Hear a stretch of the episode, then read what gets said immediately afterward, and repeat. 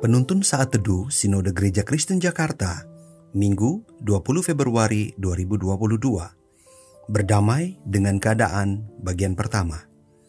Ayub 42 ayat 1 sampai 6. Maka jawab Ayub kepada Tuhan, Aku tahu bahwa engkau sanggup melakukan segala sesuatu dan tidak ada rencanamu yang gagal. Firmanmu, siapakah dia yang menyelubungi keputusan tanpa pengetahuan? Itulah sebabnya tanpa pengertian aku telah bercerita tentang hal-hal yang sangat ajaib bagiku dan yang tidak ku ketahui. Firmanmu, dengarkanlah, maka akulah yang akan berfirman. Aku akan menanyai engkau, supaya engkau memberitahu aku. Hanya dari kata orang saja aku mendengar tentang engkau, tetapi sekarang mataku sendiri memandang engkau.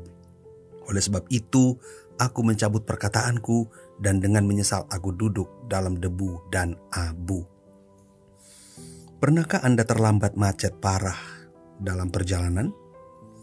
Macet parah di jalan tol dan tak ada pilihan untuk keluar dari jalur macet tersebut. Semakin jauh Anda memandang macet tersebut terasa semakin panjang. Apa yang biasanya Anda lakukan? Mungkin Anda mengomel, marah, kesal, dan berulang kali memencet klakson. Semakin Anda melakukannya, semakin Anda gelisah dan stres dalam kemacetan, bukan? Apa yang dapat Anda lakukan di saat seperti itu? Rasanya tidak ada yang bisa dilakukan selain berdamai dengan keadaan tersebut. Nas hari ini merupakan tanggapan Ayub yang terakhir terhadap segala pergumulannya. Bagian ini bisa dikatakan sebagai jawaban atas pergumulan yang dialaminya. Pada akhirnya, apakah Ayub sungguh memahami semua pekerjaan ilahi di balik kesengsaraannya? Nyatanya, Ayub tetap membiarkan dirinya berada dalam ketidaktahuan. Buktinya, posisi teks ini diletakkan sebelum pemulihan keadaan Ayub pada pasal 42 ayat 10 sampai 15. Ini menunjukkan bahwa pemulihan bukanlah jawaban atas pergumulan Ayub. Dia sudah menang sebelum dipulihkan. Sebaliknya, pemulihan ini dipahami sebagai konsekuensi dari kemenangan itu. Kemenangan Ayub terjadi saat ia mengakui kedaulatan dan hikmat Allah di tengah semua penderitaan yang dialaminya. Dalam pergumulan panjangnya, Ayub mengalami pengenalan yang semakin dalam akan Allah.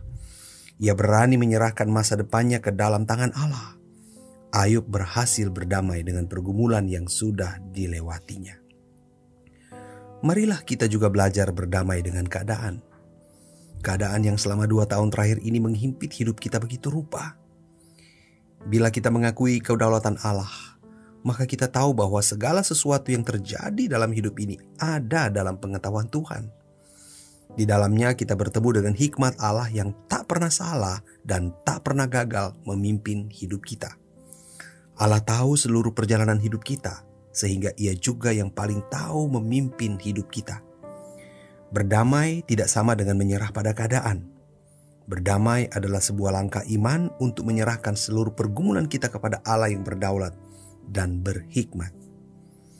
Berdamai dengan keadaan tidak langsung mengubah kesulitan yang menghimpit hidup ini, tapi dari situlah kita melihat seluruh hidup ini dengan iman kepada Allah yang berdaulat atas hidup kita. Tuhan Yesus memberkati.